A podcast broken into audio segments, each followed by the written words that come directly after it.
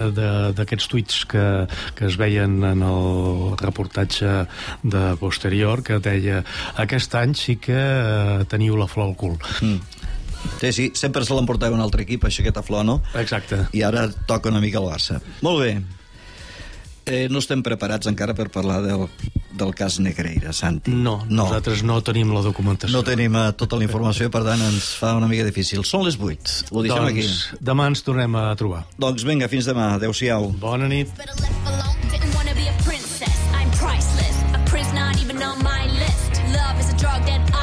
No doctor could help when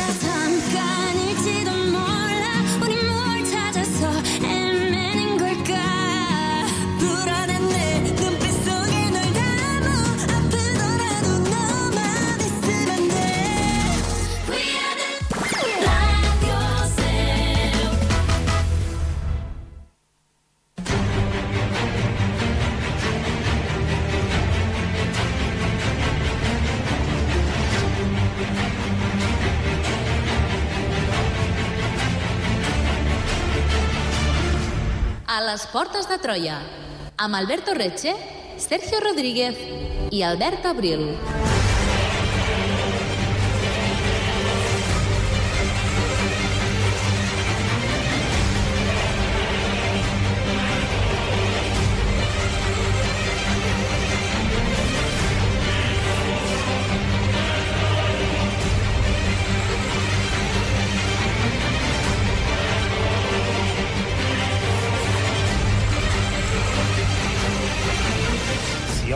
Criatura sobrenatural omnipresent a la cultura popular dels darrers temps, aquesta és, sense gaire gènere de dubte, el vampir. Ja sigui a la literatura, al cinema o a les sèries de televisió, en qualsevol de les seves múltiples variants, aquesta criatura no morta que s'alimenta de sang humana ha viscut moltes vides diferents. Però, com sorgeixen els vampirs? Quina és la seva història? Com va anar configurant-se a Europa la figura i la manera d'actuar dels vampirs? Aquesta i altres preguntes tractarem de donar resposta al llarg del programa avui. Benvinguts al món de la sang. Benvinguts a les portes de Troia.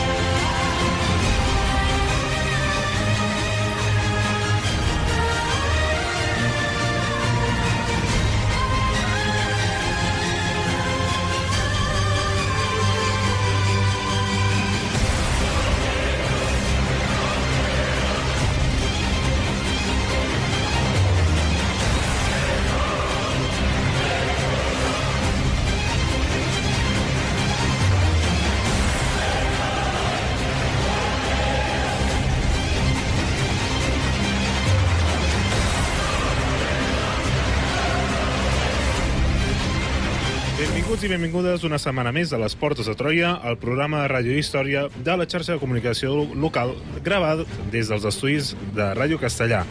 Avui per continuar la nostra història dels vampirs de la mà del nostre historiador de capçalera, Alberto Reche, benvingut. Bones, què tal? Avui ens centrarem al segle XIX i la primera pregunta és òbvia i és que és important el segle XIX per la història dels vampirs? Eh, pues, jo, sí o sí, de, haig de contestar que sí. Disculpeu mm. perquè fa calor a l'estudi, m'estava tenint la camisa, intentava no fer soroll i eh, era una mica... Sort que no ens veieu, perquè era com Messi intentant posar-se un peto. Busqueu-lo a Google. Buscarem en qualsevol Google. cas. Eh, és important eh, el segle XIX en la història dels vampirs? Vampirs? Uh, evidentment que sí, no? De fet, potser dels dos programes dedicats als vampirs, intentaré que no hi hagi un tercer, uh, aquest és l'important, perquè el segle XIX és el que configura la, la forma en la que el segle XX rep el, els vampirs, i el vampir uh, que salta a la televisió, que salta al cinema, que salta a la, a la literatura uh, de consum de masses, eh, és el vampir del segle XIX, de finals del segle XIX. Nosaltres ja vam veure en el, en el programa anterior com apareixen, no? o, com, o quina és la gènesi del mite dels vampirs, eh, però ara serà quan ens endinsem en un terreny més, més conegut, no? on comencem a veure vampirs que s'assemblen cada vegada més a, a allò que nosaltres creiem que són els vampirs i no el que havíem vist al segle, el que havíem vist al segle XVIII, que potser era una mica més estrany. Només per això, no? només per, eh, per poder acabar el programa parlant de, del conte de Dràcula, doncs ja, va, ja val la pena dedicar-li un programa als vampirs del segle XIX. Segueix-nos a facebook.com barra Portes de Troia o a twitter arroba Portes de Troia. Descarrega't el podcast des d'iBooks o iTunes.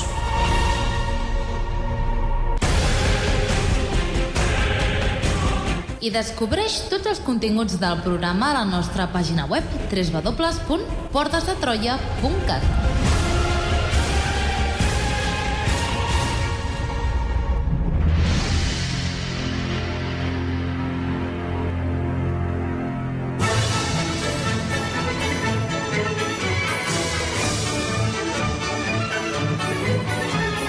Soy el vampiro más famoso, más malo y tenebroso que llega de ultramar.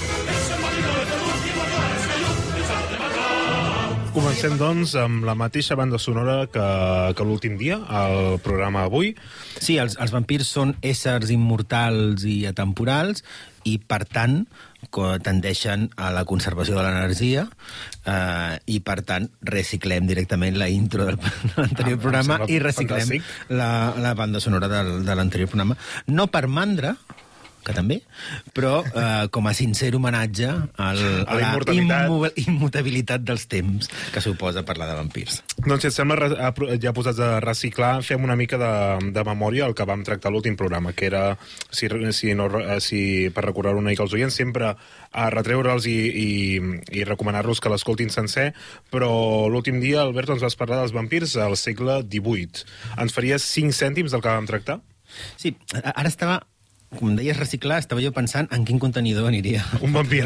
No, vampir ah. aniria a l'orgànic. No, l'orgànic, bueno, potser no, no ho sé. Uh, Jo- bueno, a la fracció jo- jo que sí, suposo. o restes, potser. Estava pensant en, en quin contenidor aniria el Portes de Troia. no sé. Encara no. Ja, ja estàs pensant en reciclar-nos?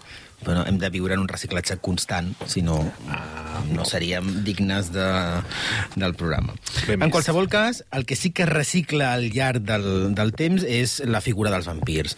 Um, tot i que sembla un monstre uh, sobrenatural i antediluvià, no? que ha existit com altres figures mitològiques o altres criatures sobrenaturals des de la nit dels temps, el cert és que el vampir occidental, o la recepció del vampir occidental a Occident, és, uh, és prou moderna. No?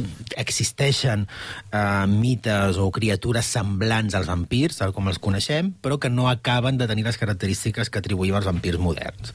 Quan apareixen aquests vampirs moderns? O quan apareix la fascinació europea per a aquests vampirs? Al segle XVIII. Una mica eh, en consonància a l'avenç eh, austro-hongarès sobre els Balcans.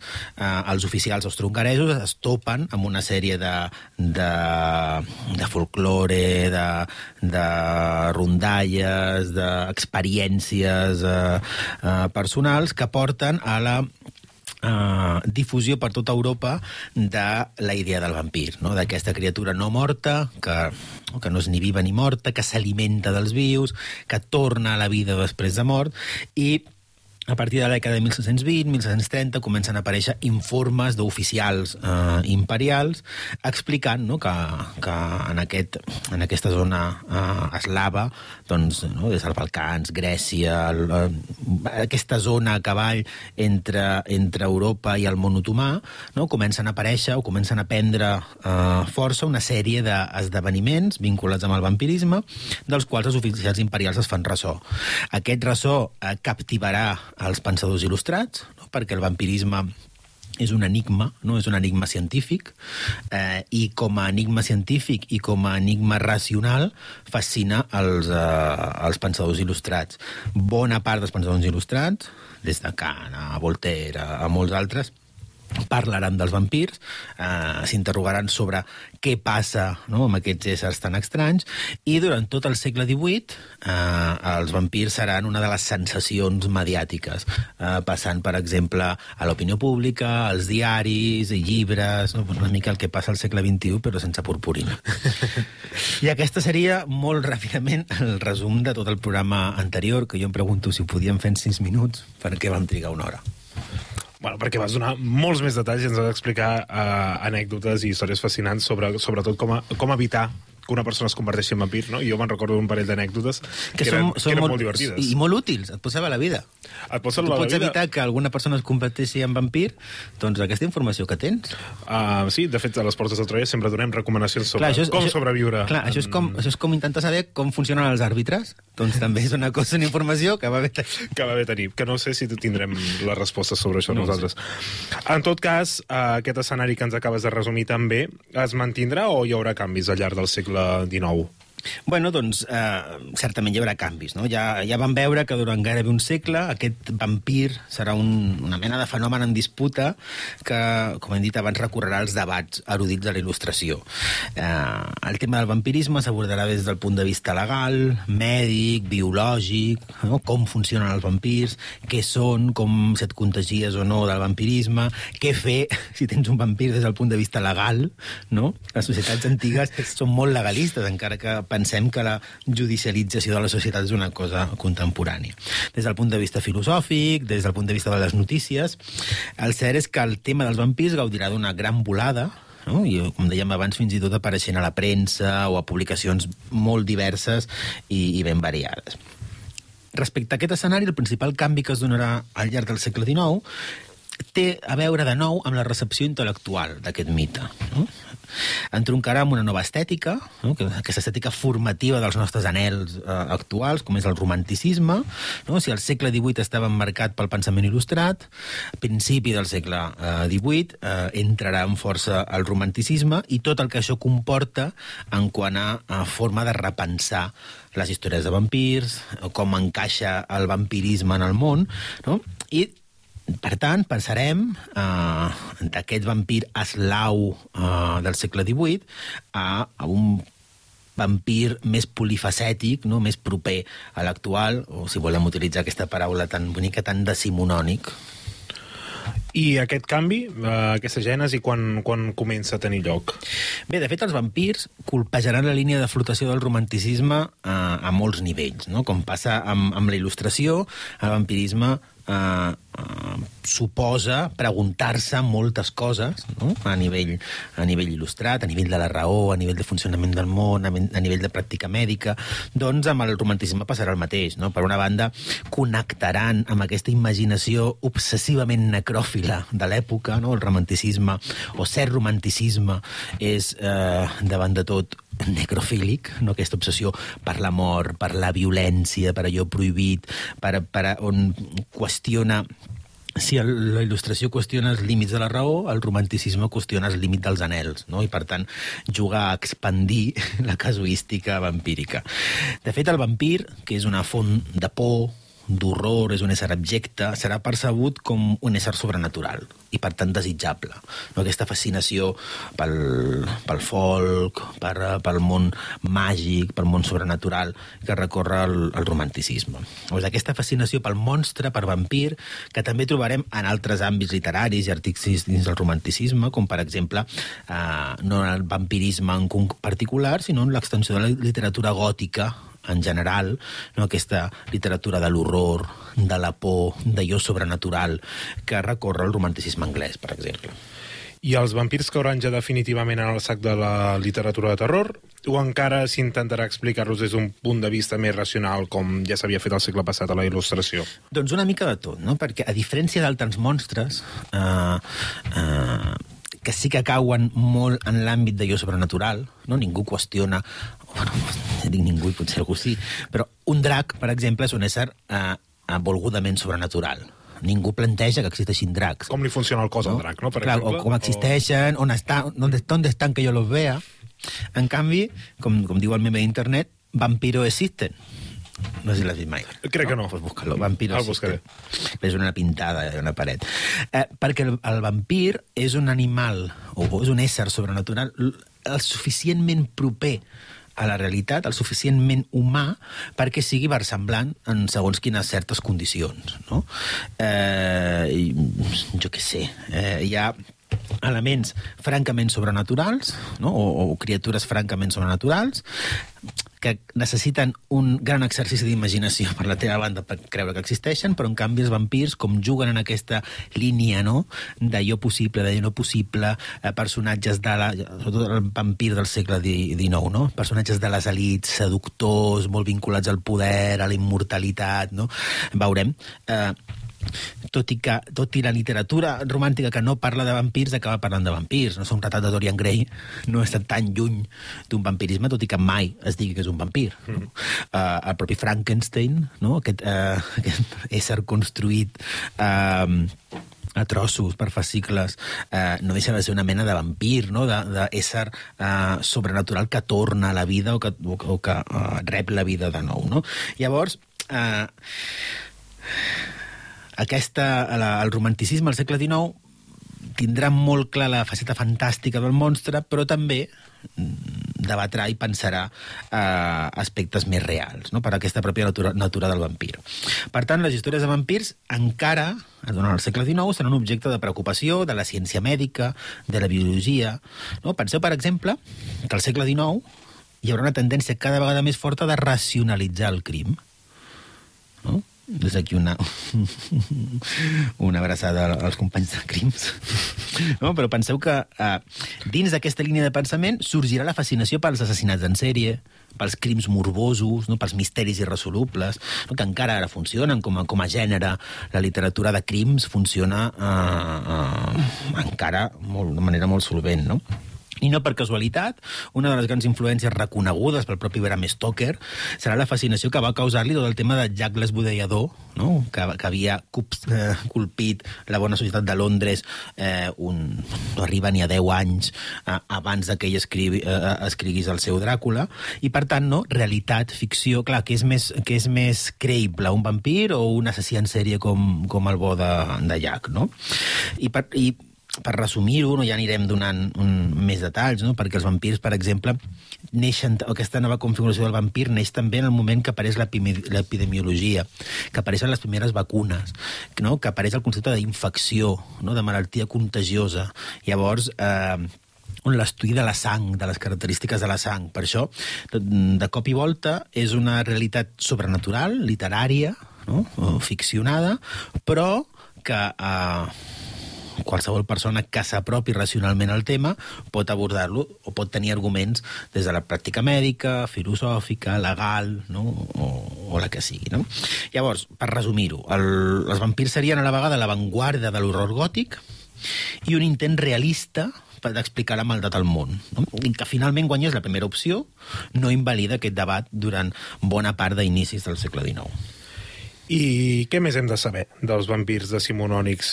I també, sobretot, eh, què els fa diferents dels vampirs de tradició eslava que van, a, que van aparèixer a l'últim programa no? durant la, la il·lustració? Clar, els va... Disculpeu, els vampirs no sóc un vampir perquè t'uso. No, tinc, tinc no t'usen els vampirs? No, clar, no tenen sistema respiratori, no funcional, no? Igual que, igual que uh, no els hi creixen els cabells, no sé què se'n les ungles, a no sé que es vulguin, clar, perquè un vampir pot, pot, uh, pot regular el seu propi rec sanguini, no? Un vampir pot tenir ereccions, però tampoc li serveix de gaire, no? De pensar conscientment. T'imagines tenir les ereccions conscientment? per la meitat de la gràcia. No? Llavors, en qualsevol cas, els vampirs de la il·lustració eren principalment un misteri mèdic. No? Com era possible, en un món racional, com el que volien construir els il·lustrats, que un cadàver fos reanimat, i que no només això, sinó que deambulés tranquil·lament pel món després de mort. Els vampirs decimonònics, els vampirs del segle XIX, en canvi, introdueixen elements nous a aquesta fórmula, no? com l'obsessió per la sang. No? La sang en el vampir del segle XVIII és un mitjà un mitjà per assaltar les comunitats, un mitjà per ser un agent del caos, un mitjà per demostrar que el cicle de la vida o que la normalitat ha trastocada, però el vampir del segle XIX té una verdadera obsessió per la sang, no? És una mena de fetitxe no? per la sang que el trobem com a nucli central del vampirisme però també mm, d'altres àmbits eh, en auge al segle XIX, com el propi nacionalisme. No? El nacionalisme al segle XIX no deixa de ser eh, la vinculació no, d'una sang, d'una terra, a un projecte polític. No? Llavors, aquesta vinculació de la sang al segle XIX eh, apareix per, eh, per racons insospitats. No? O, per exemple, la vinculació creixent de vampirisme i dones.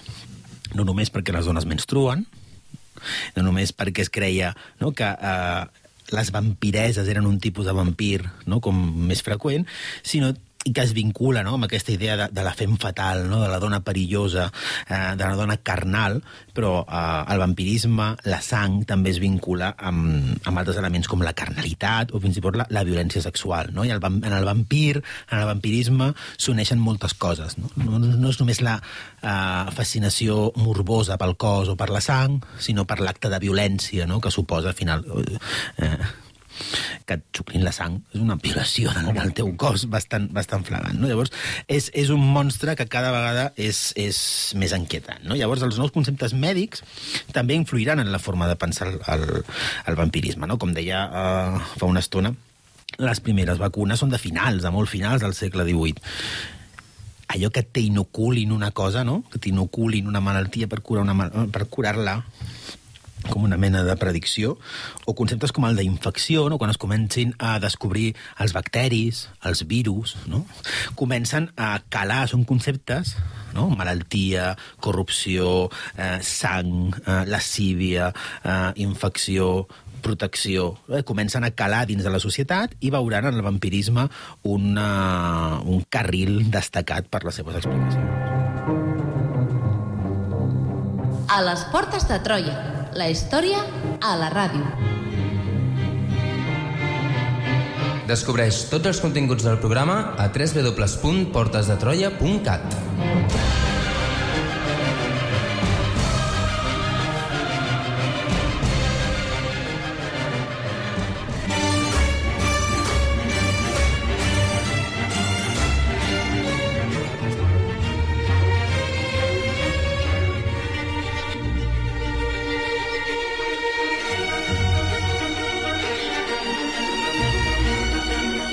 Bé, després d'aquesta primera introducció, eh, si et sembla, Alberto, entrem, entrem en, directament en matèria.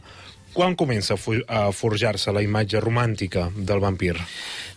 Avís a navegants romàntic en el sentit de, liter de literatura del segle XIX, no de, uh, de romanticisme en el sentit oh, oh Eduard, t'estimo molt, No, oh, no, sisplau, mossega'm. Es- espero que no fem un programa de vampirs del segle XXI. Hi ha dos tipus de romanticisme. Mm -hmm. vale? Nosaltres parlem del, Bo. del romanticisme que no porta purpurina. Vale? Del bo. Bueno, això bo, bo o dolent és un judici moral Que mai fem a les portes que cadascú farà, que cadascú farà el seu perquè és personal i intransferible. Eh, pot ser fan de Crepuscle Mhm. i, i, i tenir dret a vot. No passa, res, no passa res, són dues coses que no són Hi incompatibles. ha lleis que s'han de revisar. Bé que voten els fans de Harry Potter, no? en qualsevol cas, uh, el segle diu... Ja, havia de treure el tema de Harry Potter. Ja el Harry Potter. bueno, eh, en qualsevol cas, eh, al segle XIX, resseguint la teva pregunta, Sí. hi ha una veritable dèria per la literatura vampírica. No? Seria una tasca descomunal intentar resseguir la gènesi, l'evolució eh, arreu d'Europa, no? I ficar-nos en literatura francesa, literatura italiana... Bueno, italiana no hi ha tanta. Uh, alemanya, uh, anglesa... I, per tant, proposo coneixent-nos, fer una passejada general, aturar-nos en el que queda del programa en dos dels moments claus de la vampirologia literària del segle XIX, no? el vampir de Polidori i Dràcula de Bram Stoker. I per què hem escollit aquests dos, Alberto? perquè si fem més de dos no arribem No, no, no, programa. no dona. I perquè els dos suposen moments importants en la història dels vampirs del segle XIX. No? Indiscutiblement indiscutiblement Dràcula s'ha configurat com el vampir per excel·lència. I la llarga ombra, tot i que és una ombra metafòrica, perquè els vampirs, ja sabeu, no en tenen d'ombra, eh, però en tot cas la llarga ombra metafòrica d'aquest vampir transilvà és ben allargada. No? Defin recull, ja veurem, tota la tradició del segle XIX i prefigura la tradició del segle XX. I per la seva banda, el vampir de Polidori també sup suposa, no, en un, uns 80 anys abans, uns 85 anys abans, la creació definitiva del vampir romàntic. I, per tant, aquestes dues obres no, doncs són interessants, com podíem haver triat eh, algunes altres, per, eh, per resseguir aquest camí vampíric. Ah, ja ho has avançat una miqueta, però hi haurà altres obres que ens ajudaran a entendre aquesta confecció del vampir?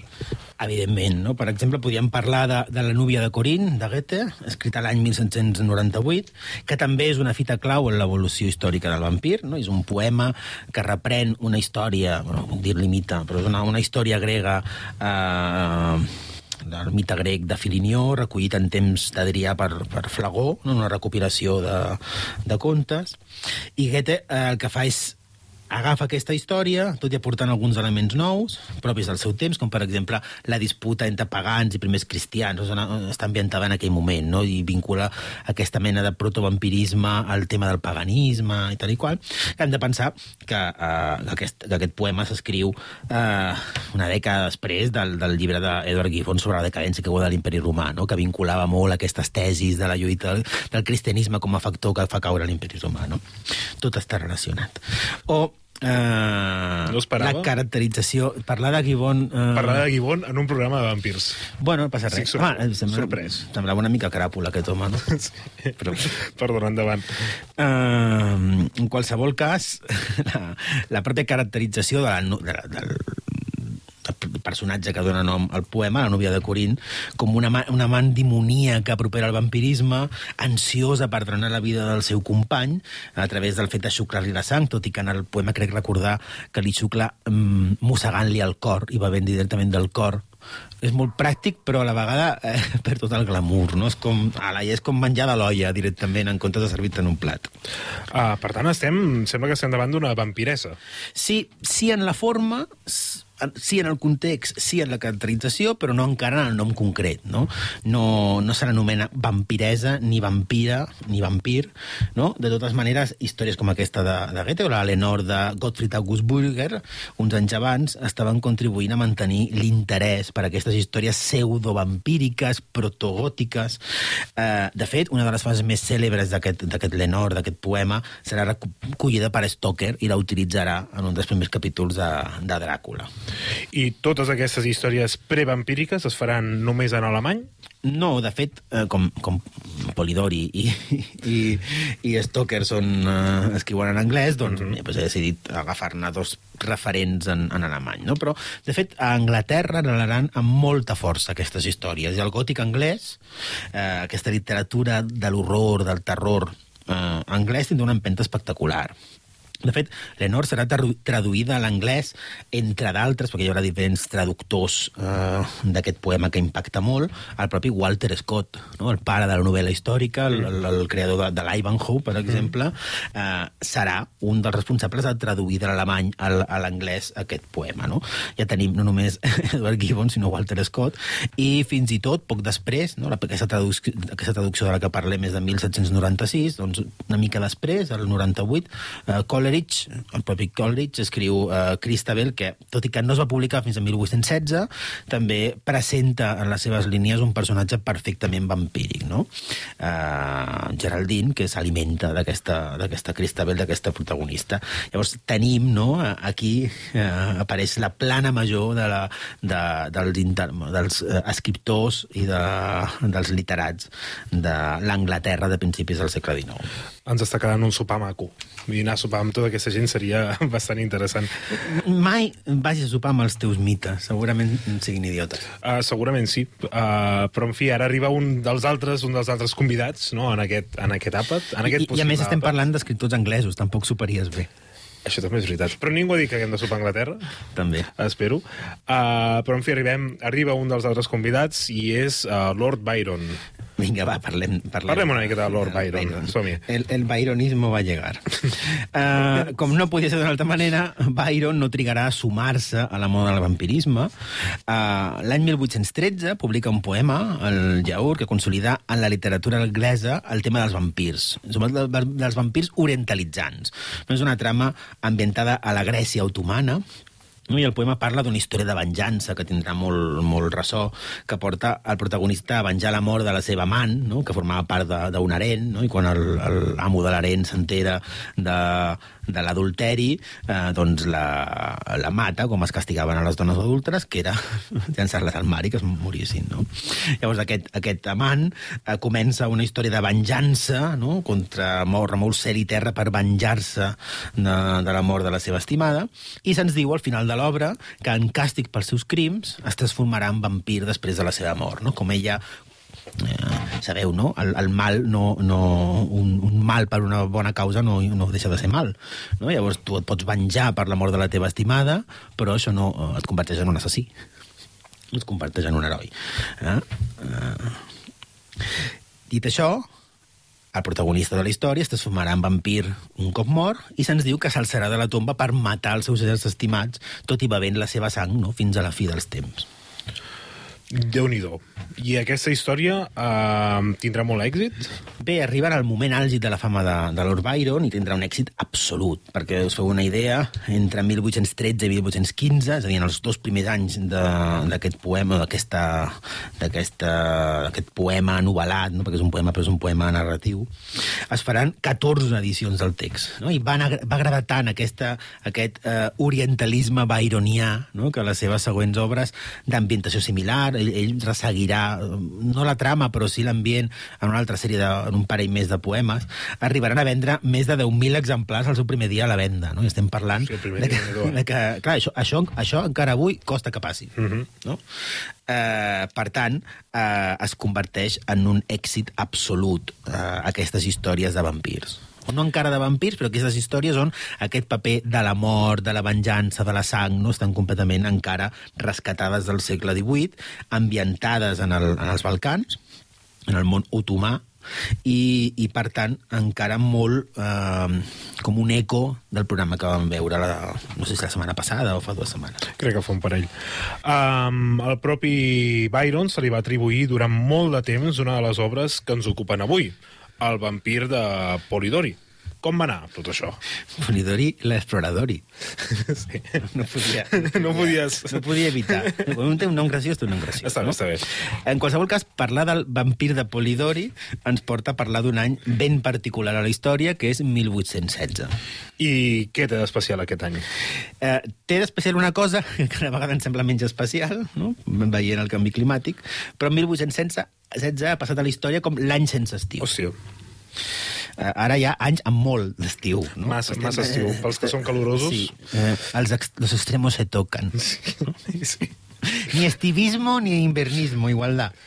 En qualsevol cas, 1816, l'any sense estiu, eh, a causa de diferents conjuntures climàtiques, no? com una valla- davallada de l'activitat solar, al final d'aquesta petita edat de gel que s'arrossegava des de eh, mitjans del segle XIV, eh, es donen una sèrie de, de conjuncions o de conjuntures climàtiques, com una mena de hi- hivern volcànic, podríem dir, produït per diverses erupcions volcàniques importants arreu del món menys o menys seguides, per exemple, el volcà Mayona, Filipines, el 1814, o la més, la més coneguda, la del Mont Tabora, eh, l'any 1815 a Indonèsia, que de fet és la, la erupció més gran documentada i coneguda en els darrers 1.300 anys. Mm, poca, poca broma, no? És a dir, No, no, Déu- Déu-n'hi-do. Déu-n'hi-do. Uh, tot això fa que sigui un, un any tremendament fred, no? La, la cendra volcànica, les baixes temperatures, la, la reducció... La, hi ha poca activitat solar que portava a una mai- mino, menor activitat solar eh, amb aquestes cendres sobrevolant eh, l'horitzó, no? que, per exemple, eh, Turner, a les seves pintures, no? aquests, aquests, eh, aquestes postes de sol o aquestes sort, sortides del sol, aquests, eh, aquesta, aquestes, aquests paisatges tan amb una, on, amb una uh, sensació paisatgística tan característica eh, s'expliquen no? perquè el cel realment era molt, molt diferent a com, a com havia estat els anys abans precisament per la quantitat de cendra que tapava el sol. No? Tot això portarà a que les temperatures cauen en tot el planeta, les collites es fan malbé, a més, en Europa eh, hi afectarà especialment, i a més, Europa sortia de la fi de les guerres napoleòniques, que ja en si mateixes havien significat una mena de eh, nou ordre mundial eh, estroncat. No? Llavors, tot això crea una conjuntura per 1816 com un any eh, tremendament particular. I aquest eh, any sense estiu, aquest final de les guerres napoleòniques a Europa, eh, aquestes pintures de Turner, to, tot això com, com afecta a la història que ens estàs explicant avui? Bé, l'escena és ben coneguda i segurament molts dels nostres oients ja la coneixen. No? Aquesta història tindrà lloc en els dies 16, de- del 16 al 19 de juny de 1816 a la vila, a Vila Diodati, que és un, un edifici que encara existeix prop del llac de Ginebra, i justament aquells dies de juny, eh, la vila va tenir uns il·lustres inquilins que estaven de vacances, aquesta cosa també, que aquesta idea del gran tour eh, del finals del segle XVIII, aquest, aquesta tournée romàntica de ah, m'avorreixo i vaig a veure món, no? Doncs eh, aquests il·lustres viatgers i en aquest cas inquilins, eh, avorrits pel mal, del mal temps, no? tu te'n vas de vacances i el que vols és el juny com a mínim que faci una mica de, de sol solet. Però davant de la impossibilitat de continuar les seves vacances, davant d'uns dies de pluja intensa eh, on no es podia sortir de la casa, on eh, tots els seus plans s'havien esgarrat, vam decidir fer un joc per distreure's, com si fos una mena de Decameron de Boccaccio, però en el segle XIX. Uh, quins seran aquests inquilins? Perquè això, uh, aquest joc promet, uh, així que quins seran els participants? Bueno, potser mola més el de Cameron de Boccaccio, no? que és, és, més, és més berlusconià en, el, en, la seva, sí. en la seva trama. En qualsevol cas, entre d'altres, contem amb l'escriptor Percy Shelley, amb, amb Mary Godwin, la seva ara per ara, els que seran una mica després, però ara per ara, amant, Lord Byron, el propi Lord Byron, amb el seu metge, amb el seu assistent personal, John Polidori, mm -hmm. eh, i entre, entre d'altres. No? Llavors, el lloc que van triar per passar aquells inhòspits 3-4 dies de juny no va ser altre que dedicar-se a escriure històries de por per espantar-se mútuament. Eh? Va ser, va ser un a que no hay huevos a... No? Llavors van dir, sujétame el cubata, i, i ja bueno, veuràs, no? Sujétame el té, no? Perquè... I van decidir eh, fer un joc literari en el que tots ells escriurien històries de por durant el dia, se les, se les llegirien a la nit eh, eh, a veure qui aconseguia trasbalsar més a la resta de, de convidats. I, i d'aquest joc sortirà alguna història coneguda? Doncs sí, ni més ni menys, sortirà alguna obreta me, més, però ni més ni menys el, uh, el Frankenstein no? de Mary Godwin, o amb el seu cognom de casada, Mary Shelley, no? Frankenstein o el modern Prometeu, i el vampir de Polidori curiós com una vetllada, no? una sèrie de vetllades poden ser tan, tan productives, no? I ara que quedem per jugar a jocs de taula més senzills, no bueno. ens escrivim històries tan poderoses de terror. Clar, això, això passaria. Ara, ara, ara la gent queda a jugar, no? Tu perds tres dies a la muntanya i potser fas, si tens internet no potser, però si no fas jocs de taula. Uh, I hi ha un, un, un, un un cercle de l'infern per la gent que encara continua jugant al Catan i diu que fa jocs de taula, no? Perquè, tio, supera, han passat 20 i pico anys. Jugar al Catan ara és com jugar al joc de la Oca. Modernitzat. No, jo, jo no jugo al Monopoly, jo jugo al Catan. Ah, llavors està, està, està guai. Uh, en fi, uh, centrem-nos centrem ja, si et sembla, en el vampir de, de Polidori, ja que ens has introduït que sorgeix en aquestes ballades. Què tindrà d'especial? Bé, de fet, el vampir no serà la primera història que Polidori eh, escrigui aquells dies, ja que el seu primer intent de relat de terror, eh, que s'ha perdut, no el coneixem només per les reaccions que van provocar, per exemple, en, en, en Maricili, eh, no s'ha conservat i sembla que no era un, un relat gaire aconseguit. No? La segona nit escriurà un altre relat, uh, l'Ernest Berchtold, o el modern Edip, no? una mica com, mm. com Frankenstein, que és el modern Prometeu, no? pues el modern Edip, que serà publicada el 1819, però que encara no és aquesta història de vampirs. I llavors, quan escriurà el vampir? Doncs en paral·lel, no? mentre eh, Polidori escrivia aquests dos primers intents de, de relats de terror, Byron havia optat per tornar a escriure sobre el tema que ja l'havia fet famós, no? sobre aquesta història de vampirs orientalitzats, no? sobre aquesta història de l'amant i tot això, i va optar per començar a escriure una història ambientada en els vampirs grecs, no? que va rebutjar, ell mateix va dir que no li agradava, mm. va deixar inacabada, de fet, es coneix com el nom d'un fragment. No? O sigui, el ara. problema és que eh, va ser publicada, es coneix amb aquest nom, perquè va ser publicada amb aquest nom, perquè tot el que fos, eh, tot el que s'hagués tocat per la vareta màgica de Lord Byron, i m'estic eh, referint a la seva ploma, es publicava tot, tot no? i que Lord Byron també tocava moltes altres coses amb la seva altra vareta, eh, va ser publicat sense el seu permís, sense el seu consentiment, anys més tard, amb aquest nom d'un fragment. No? Però reprenia aquest, aquest tema no, dels vampirs, de la gent que torna de la tomba, que en aquest món oriental, i llavors, esperonat per aquesta història, Polidori decideix encetar un tercer relat, ara sí, capdalt per a la història de la literatura.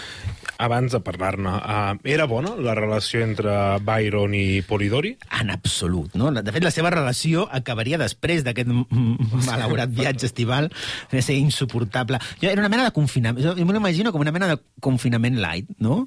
Eh, no t'imagines a Mary Shelley fent pastissos, no? De, eh, no tinc farina, eh, a Lord Byron dient, ens hem quedat sense paper higiènic, no? Tampoc me'ls imagino sortint a aplaudir. Ah, I ni a passejar el A, gos? a les 8... No, no, no crec.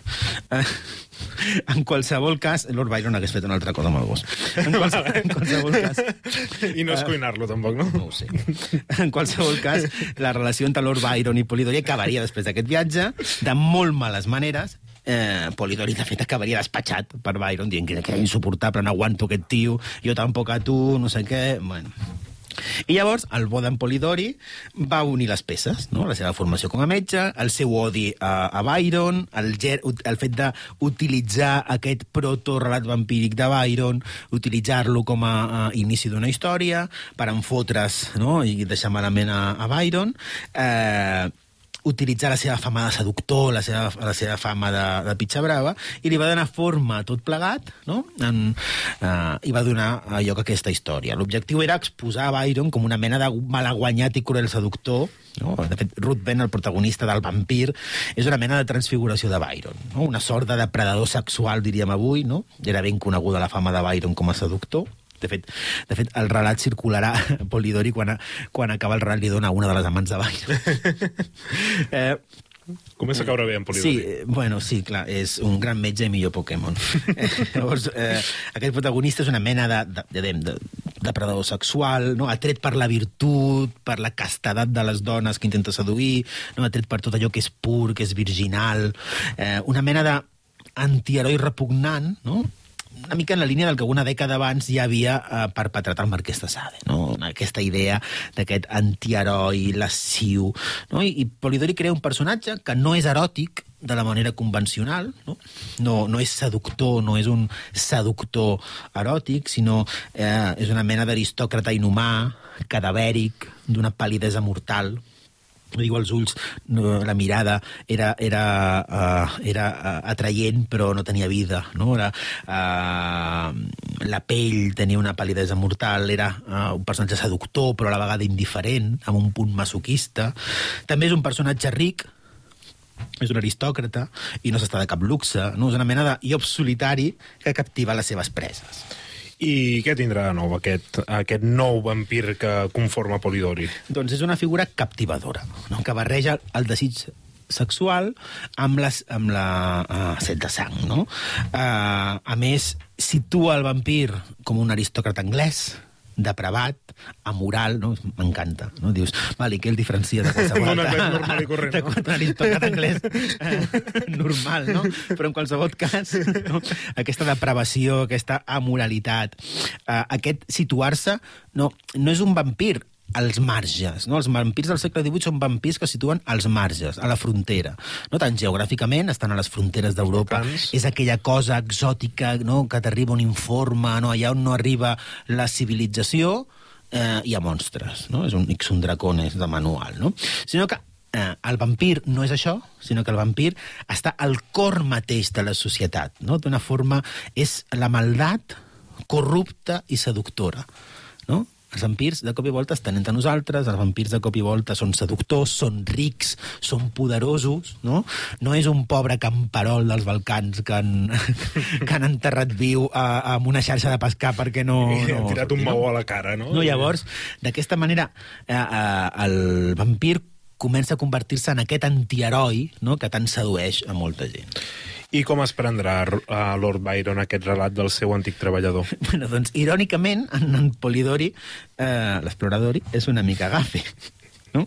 Va entregar la seva història a la comtessa de, de Breus i dos anys després dos anys i mig després, eh, s'entera que aquesta història sortia publicada en una, en una revista eh, les típiques revistes de l'època on- es feien, eh, on es, on es publicaven per fascicles històries, on es publicaven històries... Eh, però sota l'autoria del propi Lord Byron. No? Resulta que per un malentès... Vaja, vaja, vaja. per un malentès, no? perquè aquesta dona dona una sèrie de relats de varia gent, pues dona un relat de Byron, un de Polidori, un de Shelley, un de no sé què, i publica el que vulguis. Llavors, l'editor de la revista dona per suposat que el relat de vampirs Eh, és de Byron. és de Byron perquè és el que havia escrit sobre vampirs. I llavors ell diu, tete, tinc un relat de Lord Byron per publicar. Un autor super mega famós. Què fa? El publica amb el nom de, de Lord Byron, no? Ens podem imaginar que el senyor Polidori no estava gaire content amb això. No, no només eh, tota la intenció del relat s'anava a Norris, no? Tu fas un relat per intentar humiliar i dir eh, com de cabró és Byron, no? I com malament tracta les dones i quin tipus de personatge és. No és aquest seductor vivaç i encantador, sinó que en el fons és un monstre. Eh? I al final acaba resultant que eh, l'èxit sobre aquest relat se l'atribueix Byron, no? De fet, durant tot el segle el relat es continua transmetent així, com a obra de, de Byron, o en el millor dels casos, una mena de coautoria, no?, de, de Lord Byron ajudant el seu assistent Pobre personal com a uh, coautor del llibre. Ai, del, sí, de, del, del A les portes de Troia. Descobreix la teva història.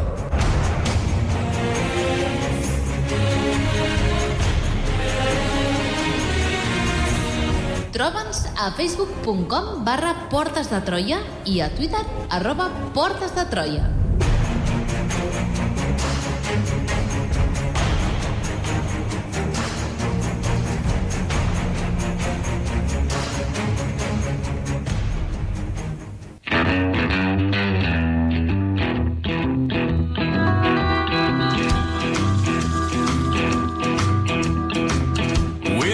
Comencem la recta final del programa d'avui sobre els vampirs i el segle XIX i no podem fer-ho sense parlar del més gran dels vampirs, el comte Dràcula.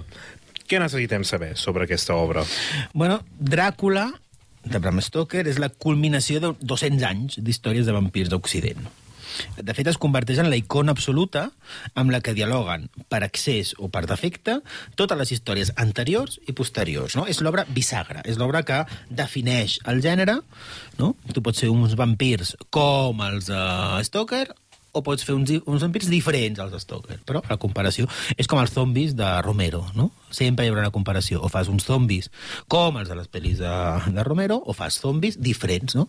Que si caminen o corren, si no sé què, no sé quan. Però sempre la base del, del, de la criatura, o la base del, de, del gènere, no? És com la literatura fantàstica. Tu fas literatura fantàstica creient el, el puto Tolkien, o fas literatura fantàstica fent veure que, que no ets Tolkien, no? Però encara avui... Fem veure. Fent veure que no ets Tolkien. No, clar, com si, clar, dius... Eh, tots sabem de qui parlem. No és algú que hagi sortit ja en aquest programa. Ah, no ho sé. Jo tampoc. No, jo, jo parlava d'Abercrombie, no parlava de, Ah, de vale. Martin, que aquest ja... bueno, en, Endavant. quals, en qualsevol cas... Um, el Dràcula de Bram Stoker es converteix en la icona absoluta del gènere, no? Eh, recull tota la tradició anterior i a la vegada senta les bases de tota la literatura vampírica del segle XX i, malauradament, del segle XXI. Dràcula és, la, de fet, la culminació d'uns 80 anys de contes, poemes i relats de vampirs, no? des de Polidori, eh, des del vampir de Polidori, no? el vampir romàntic que gesta en, aquest, en aquest, eh, aquesta època, fins a la publicació de, de Dràcula el 1897. Però no només és això, no recull només aquests 80 anys de literatura eh, decimonònica sobre el personatge, sinó que també és la culminació de totes les informacions del segle XVIII, no? perquè Stoker es va documentar moltíssim sobre tot el que eh, s'havia escrit sobre vampirs eh, per tal de donar versemblança al seu relat. No? Llavors, a la vegada, és la culminació d'aquest món d'informes, cròniques, teories mèdiques i filosòfiques sobre eh, aquesta criatura. No? I, per tant, eh, és una obra tremendament milimètrica, no? tremendament enciclopèdica en la seva configuració del, del monstre. I a la vegada és la base sobre la que es crearà l'explosió literària sobre el tema al segle XX. El cinema primer, en blanc i negre, la literatura palp, els còmics, eh, eh, Marvel tindrà, per exemple, tota una, una sèrie de, de, de còmics sobre vampirs, no? La tomba de Dràcula. Dràcula és un personatge que existeix a l'univers Marvel. Uh, no només les sèries, en la mesura que avança el segle XX, eh, eh, videojocs o qualsevol altra expressió cultural que us pugueu imaginar, com per exemple la cultura emo, no? de principis del segle XXI, també veu directament eh, d'aquestes bases del gòtic eh, romàntic que té la seva màxima expressió anys després en, en Bram Stoker.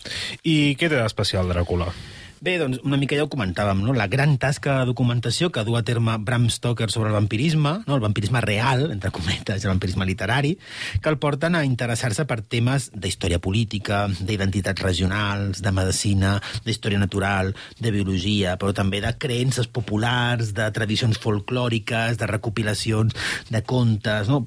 De fet, ja el, el propi fet de que la, el conte Dràcula eh, veu d'un personatge real, o suposat molt real, però no, bueno, no vampíric, clar. Però la pròpia figura del conte Dràcula veu directament mai millor dit, veu directament directament del, uh, del folklore balcànic, del que hem parlat algun cop al programa, per exemple, uh, en la figura de Vlad Tepes, no? aquest capdill balac, del, no és transilvà uh, exactament, no? però aquest capdill del segle XV que s'enfronta a l'avenç otomà de la regió no? I, i que certes rondalles o certa, certs relats sobre el personatge i la seva crueldat s'havien perviscut en els Balcans i, per tant, eh, quan Stoker busca una figura no, de la, a la que vincular el seu no, conte Dràcula, eh, l'utilitza. No? I no és casual que utilitzi aquest personatge o no és casual que begui d'aquestes fonts. I en quin sentit no, no ho és? Bé, Transilvània, no? Ja sabeu que el conte Dràcula és de Transilvània. Uh, el lloc, no l'hotel. Vale? uh, Transilvània uh, es troba al vell mig de la qüestió oriental que en aquells anys, no, finals del segle XIX, preocupava sobremanera les potències europees. No? Els Balcans es transformaran en un gran i turbulent escenari diplomàtic d'on sortirà la figura de Dràcula, però en els mateixos anys dècada amunt, dècada avall, també sortiran el, el context que detona la Primera Guerra Mundial. No? Per això Dràcula eh, pot semblar un personatge antediluvià, arquetípic, però eh, quan apareix la novel·la és un personatge de rigorosa actualitat. No? El món està mirant els Balcans. Eh, la Primera Guerra Mundial es tallarà uns eh, 20 anys després de la publicació de, de, de Dràcula, no? I, per tant, no deixa de ser eh, un altre valor afegit del personatge. Vampirisme i política eh, ben units. Clar, és que al final tot és política, no? Com diuen. però, però per això mateix el viatge de Dràcula és un viatge dels Balcans a Londres, no? Dràcula, de fet, quan arribi a Londres s'instal·larà a Piccadilly, a pocs metres del Palau de Buckingham. I tot en l'obra busca dotar a la situació d'un vernís de verosimilitud. Tot el relat està muntat, si l'heu llegit, a través de papers diversos, notícies, proves textuals, retalls de diari, quadres privats, correspondència i altres elements que busquen uh, donar una imatge de realitat al que està passant, no? una imatge de realitat, però per l'altra banda una imatge de somni, perquè l'element oníric és força present al llarg de la novel·la. Els personatges passen bona part del temps dormint, somiant, hipnotitzats o directament en coma. No? I això és una de les gràcies del Dràcula de Bram Stoker. Tradició i modernitat. Present i passat. Doncs, la, el Dràcula de Stoker és un personatge que es mou entre dos mons, no? el món rural i el món urbà, el passat i la tradició, i però la modernitat i, i, i la realitat, no? o, o, la realitat i el somni. Totes dualitats que es construeixen eh, al llarg de la novel·la i que la doten d'una potència considerable. No?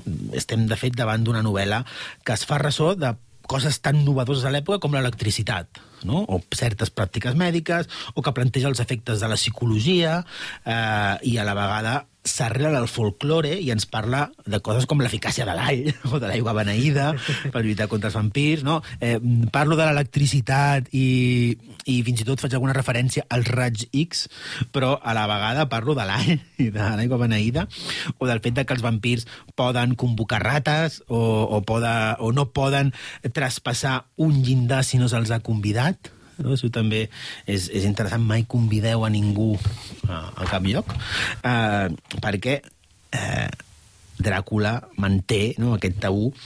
I llavors és molt interessant, no? Eh, veure tradició, modernitat, eh, eh, món civilitzat, món arcaic, folklore, investigador científica... Llavors, és un personatge que fascina precisament per, per la seva dualitat constant. Molt bé, Alberto, i ja per acabar, hi ha també qui vincula Dràcula amb el capitalisme. Com, com casem aquestes dues coses? tot és política i tot és capitalisme, no de fet, el, el vampir modern té quelcom de capitalisme ja des dels seus orígens. Per exemple, Voltaire, a mitjans del segle XVIII, ja vinculava no, en aquesta recepció europea dels informes de vampirs um, orientals ja vinculava els vampirs a la figura dels especuladors de la bossa de valors. No? Mm, Una, els, eh, coincidien en tenir una voracitat insaciable, un desig d'acumulació extrem, cert grau de parasitisme no? que es conjugaven en aquest imaginari europeu. En, però, de fet, encara avui es parla, es diu que els empresaris xuclen la sang dels treballadors, no? aquesta idea del paràsit, aquesta idea d'apropiar-se no? de, de, de l'acumulació de capital, diríem avui. Eh, però clar, empresaris tenen els mitjans de producció, pobrets, també, sembla que tenien alguna cosa. Mm, pobrets. Eh, però, de fet, Dràcula ja culmina aquesta visió del vampirisme, i amb això acabo, que ens ho queda un minut.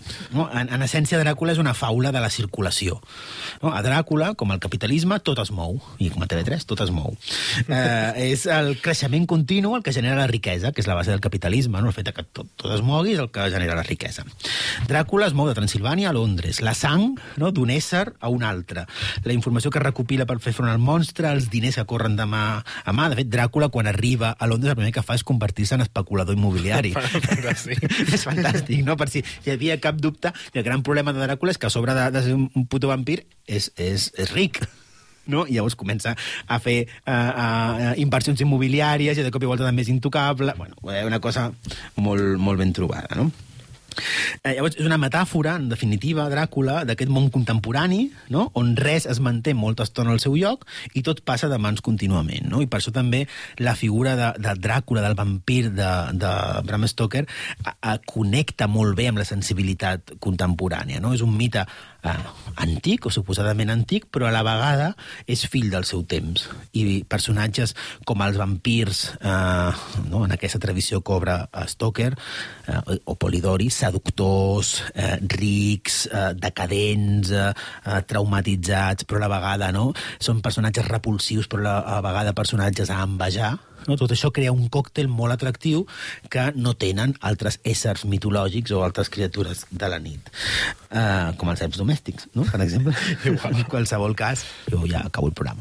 Molt bé, Alberto, moltíssimes gràcies per acabar amb aquest eh, interessantíssim Ens repàs. quedaria, si voleu... No cal, no cal voler, no, no heu de voler tampoc, eh?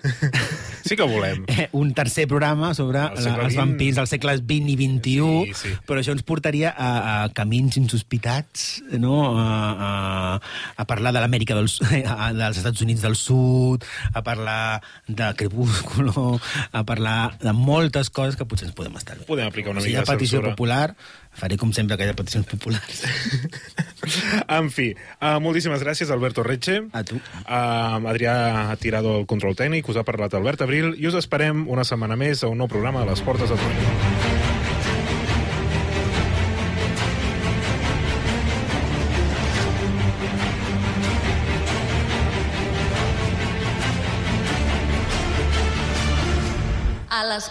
Troia, amb Alberto Retxe, Sergio Rodríguez i Albert Abril.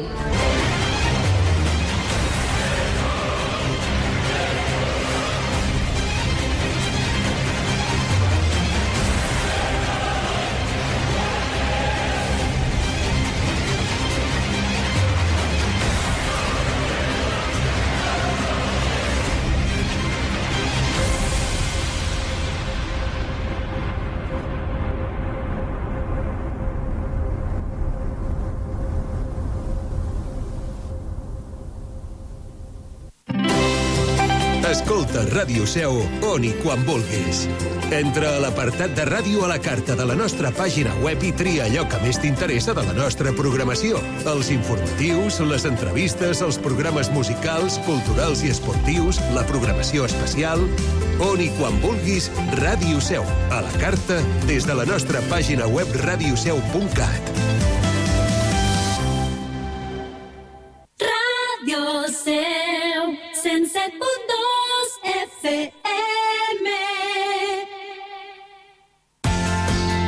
Segueix tot el que passa a la Seu, l'Alt Urgell i el Pirineu a Ràdio Seu. Desenes de col·laboradors fan possible una temporada més la millor oferta radiofònica feta des de casa nostra. Escolta'ns al 107.2 de l'FM, a radioseu.cat o a través de la nostra aplicació per a telèfon mòbil. Radio Seu, propera a tu, oberta al món.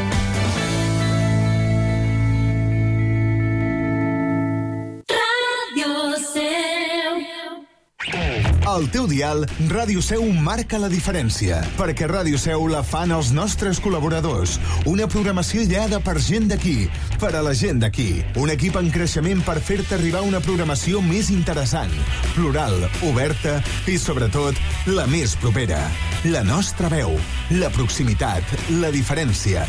Ràdio Seu, 107.2. Coneix tots els programes i col·laboradors de la teva ràdio a la nostra pàgina web www.radioseu.cat.